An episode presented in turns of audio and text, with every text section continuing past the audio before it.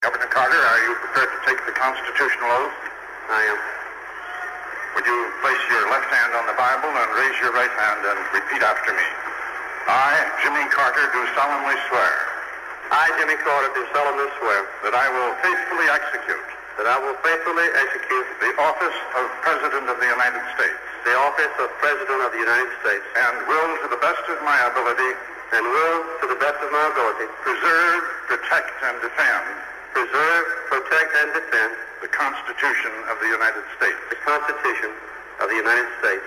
So help me God. So help me God. Met die woorde het James O. Carter op 20 Januarie 1977 die 39ste president van die FSA geword, ingesweer met twee Bybels, sy familiesin asook dieselfde Bybel as wat George Washington in 1789 gebruik het. Sy boodskap aan sy landgenote was nie kort nie, 'n volle 1228 woorde, maar kragtig genoeg. We must adjust to changing times and still hold to unchanging principles. Meer as 'n dekade voor Carter op 'n bitterkoue dag wat die kook op -7°C te staan gebring het, is Amerika se jongste en eerste rooms-katolieke president, John Fitzgerald Kennedy ingehuldig te midde van 5 cm sneeu en 'n noordooster wat darm effe sedert die vorige dag gaan lê het. Die 43-jarige JFK was sy land se 35ste verkose president na sy verkiesingssege oor Richard Nixon in November die vorige jaar. Sy toespraak was 'n voorsmaak van die styl en toon van die Camelot administrasie. Let the word go forth from this time and place to friend and foe alike that the torch has been passed to a new generation of Americans born in this century, tempered by war, disciplined by a hard and bitter peace, proud of our ancient heritage, and unwilling to witness the slow undoing of those human rights to which this nation has always been committed at home and around the world. Kennedy se politieke teenstander Richard Milhouse Nixon het in 1969 uiteindelik sy kans as president gekry toe hy op die oostelike suilegang van die Capitol gebou ingehuldig is. Each moment in history is a fleeting time, but some stand out as moments of beginning, in which courses are set that shape decades or centuries.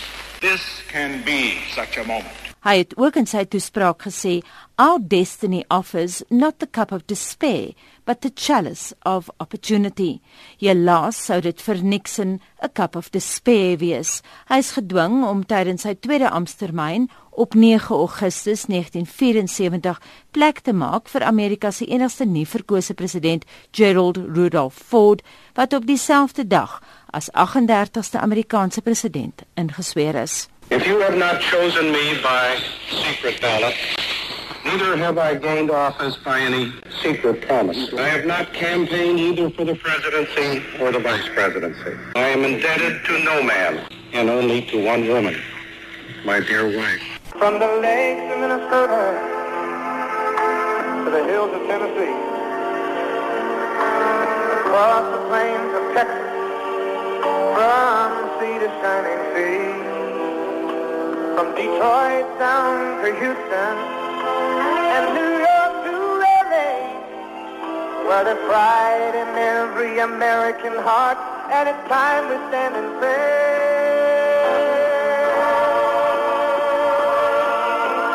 Proud The Bush Bash got off to a rousing start here in Washington as 40,000 people gathered around the Lincoln Memorial to hear musical groups and President-elect George Bush deliver a speech. Mr. Bush set the tone of what his presidency will be. A kinder and gentler America, he said, a nation that will help the less fortunate. Today, just as we have for more than two centuries, our nation stands from sea to shining sea as the beacon of freedom for people from all around the world. But the job is not complete. Some are still hurting, and we care. Many important tasks lie ahead. To symbolize his People Helping People program, what he calls his Thousand Points of Light, Mr. Bush lit a huge torch and thousands of people in the audience turned on flashlights. Then the skies over the Lincoln Memorial burst into a rainbow of colors as fireworks exploded overhead and patriotic music played. For the president-elect and wife Barbara Bush, it was then on to several inaugural dinners and parties. Mr. Bush will take the formal oath of office and become America's 41st president on Friday. Die verslag deur die SAIK se verteenwoordiger in Washington, Mike Kellerman.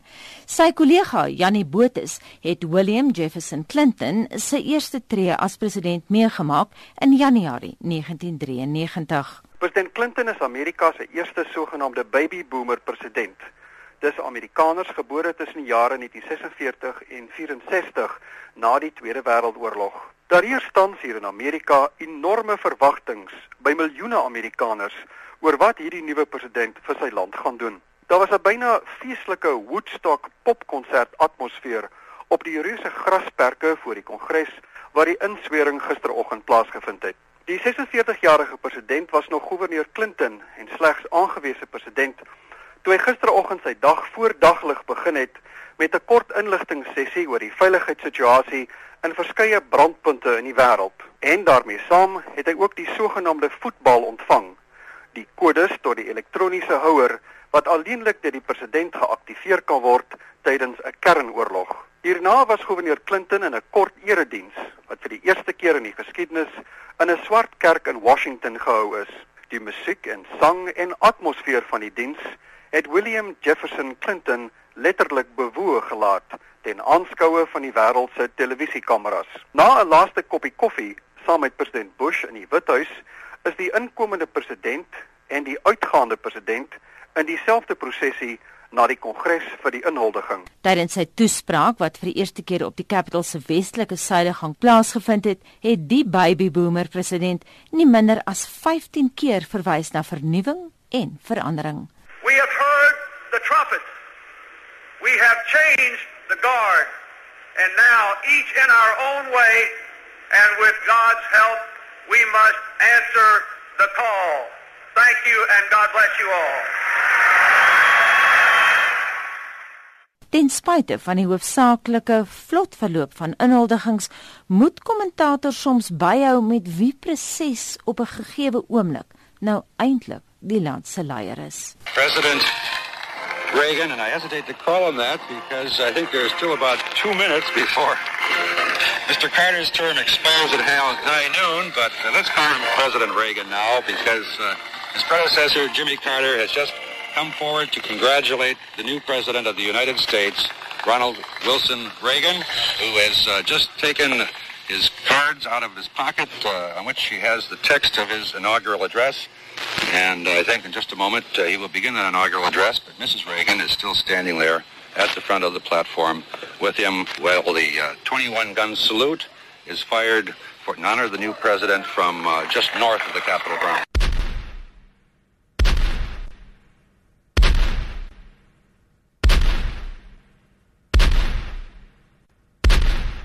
Hy is van die Amerikaanse konsul-generaal, hy is die media skakelbeampte daar en sy naam is Anthony Deaton. Good morning Anthony. Hoyamora, Anita. Thank you for having me, and good morning to all of your listeners. Very good accent. I'm impressed. Thank you. Anthony, uh, the first question really is uh, we were wondering why the 20th of January? Well, that's a good question, but let me first take the opportunity to say that you know, today is a historic day for the United States. We welcome uh, President-elect Donald Trump uh, going into his inauguration, and we also, of course, commemorate President Obama as he leaves the position after eight years as President of the United States. And, you know, we're especially uh, commemorating his commitment to South Africa and the many things that he's done, including the, his uh, Young African Leadership Initiative with the Mandela Washington Fellows Program, uh, his renewal of AGOA, as well as the tremendous amount of health assistance that we've provided to the South African government. Mm-hmm. So at the embassy, at the consulate in Johannesburg and in Durban and in Cape Town, we look forward to continuing to strengthen our ties with the South African people. Mm-hmm. Now, to the 20th. It's a very good question. Um, originally, in 1789, when George Washington took his, did his first inauguration, he did it on April 30th. After that, Congress decided to set the date as March 4th. Now, the idea was that there needed to be uh, a, a certain amount of time between the election itself and the inauguration so that the president-elect could put his personal life in order, that he could start to organize his cabinet. Now remember, in the late 18th century, the United States didn't have, as with all other countries, rapid communication systems. Uh, travel was difficult. So it took a, a long time to put that government together. And that explains to a certain degree the March 4th, the, the four-month sort of lame duck time. Mm. Now, as things began to change in the United States, as communication became more rapid, as people were able to travel more quickly, and as the United States uh, was taking on a larger role in the world and its economy was growing and there were pressing domestic issues, the government realized that that four-month gap was too long. The president, the president-elect still needs a significant amount of time to put the government together uh, and plan for the inauguration. But he also can't wait until March uh, to start addressing pressing domestic and international issues. Mm. So in 1933, uh, there, the 20th Amendment was added to the Constitution, and that changed the date to January 20th. Let's look at the ceremony itself. Uh, any specific traditions? Um, yeah, and you know it's uh, it's interesting because the traditions there's no real uh, protocol defined by the Constitution other than the president must take the oath of office. Since the very first uh, inauguration in 1789, though, each president has put to a certain extent a personal uh, imprint on the, the ceremony itself, and the traditions have evolved out of that. Uh, so right now, some of the sort of the traditions that will be on display, uh, if tradition holds, there will be a private family breakfast, for instance, um, for the president, his uh, president-elect, and his family before they go to the Capitol. Uh, generally, there is a prayer service um, uh, for Donald Trump. Uh, he will attend a religious service at uh, St. John's Episcopal Church, which is very close to the Blair House, which is the president's mm. guest house, and that's where for he's staying. Yes. Yeah, exactly. Following that, um, there is the swearing-in ceremony, which is sort of the central event of the inauguration, and the center of that is the president taking uh, the president-elect taking the oath of office and becoming president, and that happens at noon, 12 o'clock, or you know thereabouts, depending on how events go. Uh, following that, there is traditionally a, a luncheon, and then there is a inaugural parade. There's a procession. The president will travel from the Capitol to the White House, and he will review the parade as it goes by. Mm-hmm. Let's talk a little bit about that luncheon. Who gets invited? Um, it's you know it's held for government leaders, um, for uh, primarily for government leaders, con- key contacts of the president. Um, it takes place in the cap. This one will take place in the Capitol Rotunda. Uh, that often features musical performances. So I, you know, I can't speak to the specific guest list in this case. And will the Obamas be there as a courtesy? No. Traditionally, the the Obamas, the, traditionally the pr- the president, the outgoing president, departs uh, after the the oath uh, is taken. Soon after the oath is taken, he's no longer the president. This is no red carpet. he, he will depart through the, um, uh, I believe, through the east side of the the Capitol. Um, I don't know what they've uh, installed for the, the, the outgoing president in that regard, but traditionally at noon there is the transfer of power, and the new president takes over after he takes he takes the oath of office, and then there is a lunch that is hosted in the the Capitol for key context. As jy pas ons aangesluit het, ons gas vanoggend in die ateljee die Amerikaanse woordvoerder van die konsul-generaal in Johannesburg is die media skakelbeampte Anthony Deaton.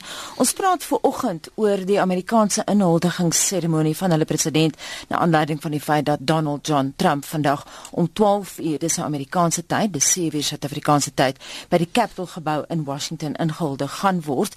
Anthony, I just want to get to something else. Uh, we did listen to a story earlier. I'd gone the archive and sourced some sound. It was interesting to hear that, for example, Jimmy Carter, uh, when he was inaugurated, he had two Bibles. He insisted on his family Bible, and then there was also uh, the traditional historical Bible that goes back to George Washington. Uh, can a president choose and say, I want a different Bible as well, whatever? Absolutely. Again, the Constitution doesn't dictate any specific protocol for how the inauguration proceed other than that the president-elect needs to take the oath of office to become the president.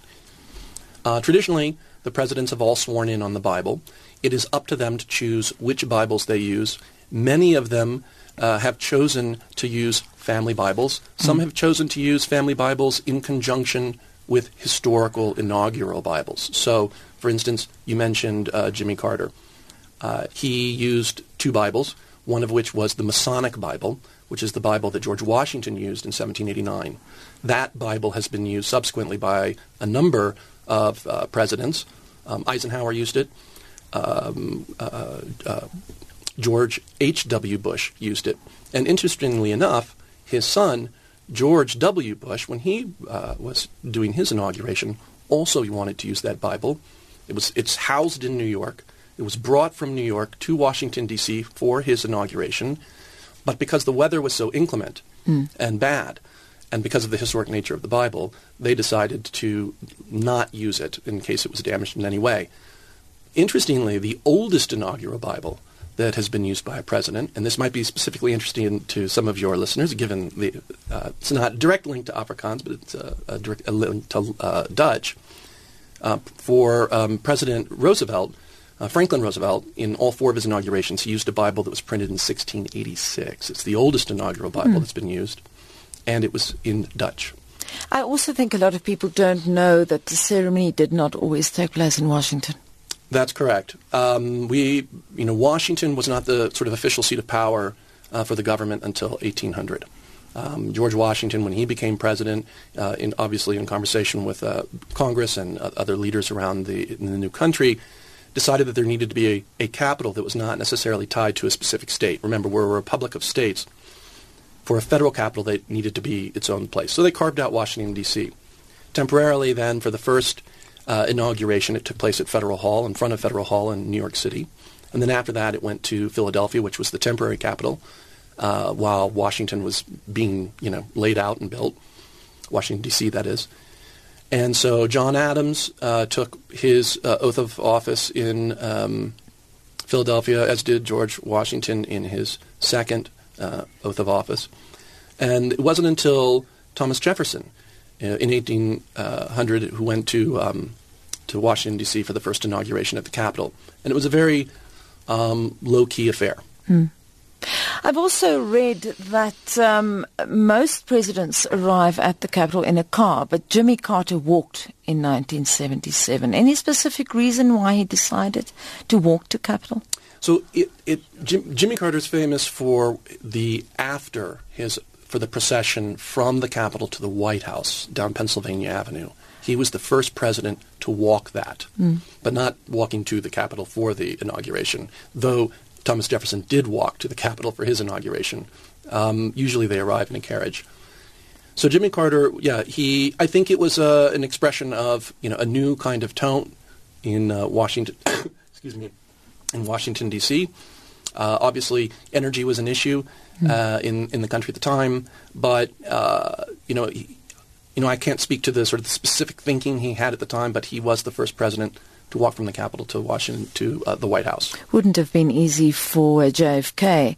I realize it was a very bad, inclement weather in 1961, and snowstorms was ice cold. It was minus seven degrees. Yeah, it was terrible. So, uh, is there sort of a plan B if things, in terms of the weather, what do people do? Sure. Uh, plan B is to do it inside, and often it has been done in the past inside, uh, even for Ronald Reagan's uh, second inauguration. Ronald Reagan has a distinction of having the warmest inauguration on his 1st his first inauguration, and the coldest inauguration on his second, and they moved it inside the Capitol. So as they're planning this, obviously they take into consideration uh, inclement weather. Um, you're right. Uh, for the for John F. Kennedy's uh, inauguration, the day before there was a massive snowstorm. There were like over a thousand cars stranded on the roads uh, that people needed to use, and it took a massive effort on the part of police and other uh, city officials to sort of clear the roads of snow, including using flamethrowers at one point to sort of melt it. Five So, centimeters of snow on the actual day of inauguration. Let's just get back to the Capitol building. I've also read doing this research that I saw that uh, Bill Clinton was the first president to be inaugurated on the west portico of uh, of the Capitol building. Why has the Capitol building been chosen? Why specifically there? Why not the White House? Well, think about it this way: um, the the Capitol building is sort of this. especially when, for instance, think about in 1800 when uh, they they moved, they decided to, you know, Washington became the seat of government. Thomas Jefferson went to the Capitol to do his inauguration. That was the seat of government for the Senate, for the House of Representatives, the Library of Congress, and for the Supreme Court. They were all under one building. It's also where the people are represented. So it's symbolic in some sense that the president goes to the Capitol before the House of Representatives and the Senate and at, at that site to do the ceremony as opposed to at his sort of you know private residence. As jy pas by ons aangesluit het, ons praat ver oggend met 'n media skakelbeampte van die Amerikaanse konsul-generaal, Anthony Deaton, en ons praat oor die inhuldigingsseremonie dit na aanleiding van Donald Trump wat vandag Amerika se 45ste president word. Just getting back to the actual ceremony, it is of course not just a ceremony. I know there are numerous, and numerous is the word inauguration balls. Uh, specifically, I've been reading a lot about JFK and Jackie Kennedy going to at least four balls. Jackie didn't go to all four. Well, I, yeah, um, I actually don't know the number of balls that John F. Kennedy or Jackie Kennedy went to. Um, there is no, again, protocol for the number of official balls that have to take place. Um, interestingly, the sort of the tradition of the inaugural ball took off in 18, uh, 1809 with the inauguration of uh, President James Madison it became a it became a rich tradition. Uh, the number of balls has gone up or gone down in you know depending on the the administration that's coming in. Uh, in 1913, when Woodrow Wilson uh, became president, he thought that the inaugural ball was not in keeping with the solemnity of mm-hmm. the inauguration, and so he asked that there not be inaugural balls. So from 1913 to 1949, there were no until 1949 there were no inaugural balls because, as I said, you know, presidents put a personal imprint on the inauguration ceremony. It tends it can take on the sort of uh, kind of traditional you know power. And other presidents followed Wilson, but Harry Truman, when he became president, reinvigorated the idea of the inaugural ball, and now it's a big deal. There were 14 official balls for uh, President Clinton's uh, 1997 inauguration. George W. Bush, for his two terms, had eight balls in one year, nine the next. Um, we know that uh, there'll be two official inaugural balls, um, and, and Donald J. Trump will go to both of those. He'll also go to the Armed Services Ball. Um, but there are other balls that are happening uh, around the city. Uh, the Native Nations inaugural ball, for one, mm. Uh, is taking place at uh, the U.S. Uh, National Museum of Native American History and uh, it's a you know it's it's celebrating the inauguration, but it's also commemorating Native American veterans. Let's focus on the outgoing president. Uh, you said the Obamas leave capital today, and that's it. Does he still get addressed as Mr. President? What's the protocol? Yes, yes. The president is generally uh, addressed as you know, as president after uh, he leaves office. Hmm. And in terms of the inauguration ceremony, has it changed a lot over the years? Has it been adapted? It has changed. I mean, there have been uh, any number of different kinds of changes. Um, for instance, you know, when Woodrow Wilson was uh, uh, in his inauguration, it was the first time that women took part in the uh, inauguration parade. It, with Abraham Lincoln, it was the first time that African Americans took part in the um, uh, the inaugural parade. Also, sort of the the publicness of it has opened up over the years. You mentioned earlier the move from the east side to the west side mm. of the U.S. Capitol. Um, that was Reagan, actually, in 1981, was the first president to hold an inauguration on the on, in the West Portico, and that was to reduce costs, but also, more importantly, to open it up to the public. Uh, for anybody who's familiar, you can look. You have the mall that stretches from the west side all the way down to the Washington Monument. You can see the Lincoln Memorial. So more spectators. And visually beautiful for television. And visually beautiful for, for television as well. Mm. Anthony, do the first ladies and presidents meet beforehand socially? I know Mamie Eisenhower and Jackie Kennedy met, but is does that happen all the time? So, I mean, as you know, it's been well publicized that at least um, you know uh, President um, President Obama has met with um, uh, President-elect Donald mm. Trump formally. There are uh, informal arrangements that are made between you know incoming uh, first families and the sort of the sitting first family. I know that um, today at 9:30, the uh, you know the First Lady and uh, President Obama will meet with President-elect Trump and uh, uh First Lady-elect Trump, uh, incoming First Lady uh, Trump, for a coffee date, and then President Obama will join President-elect Trump as they to travel to the, the Capitol for the inauguration. Well, thank you very much. Dit dan ons Amerikaanse gas vanoggend, hy is 'n woordvoerder van die Amerikaanse konsul-generaal, die media skakelbeampte Anthony Deaton. Anthony, thank you very much for coming to the studio. Thank you, and I thank your listeners as well for uh, following uh, the U.S. Uh, uh, inauguration. It's a cornerstone of American democracy that we have this peaceful transfer of power. We're proud of it, and we look forward to today's events.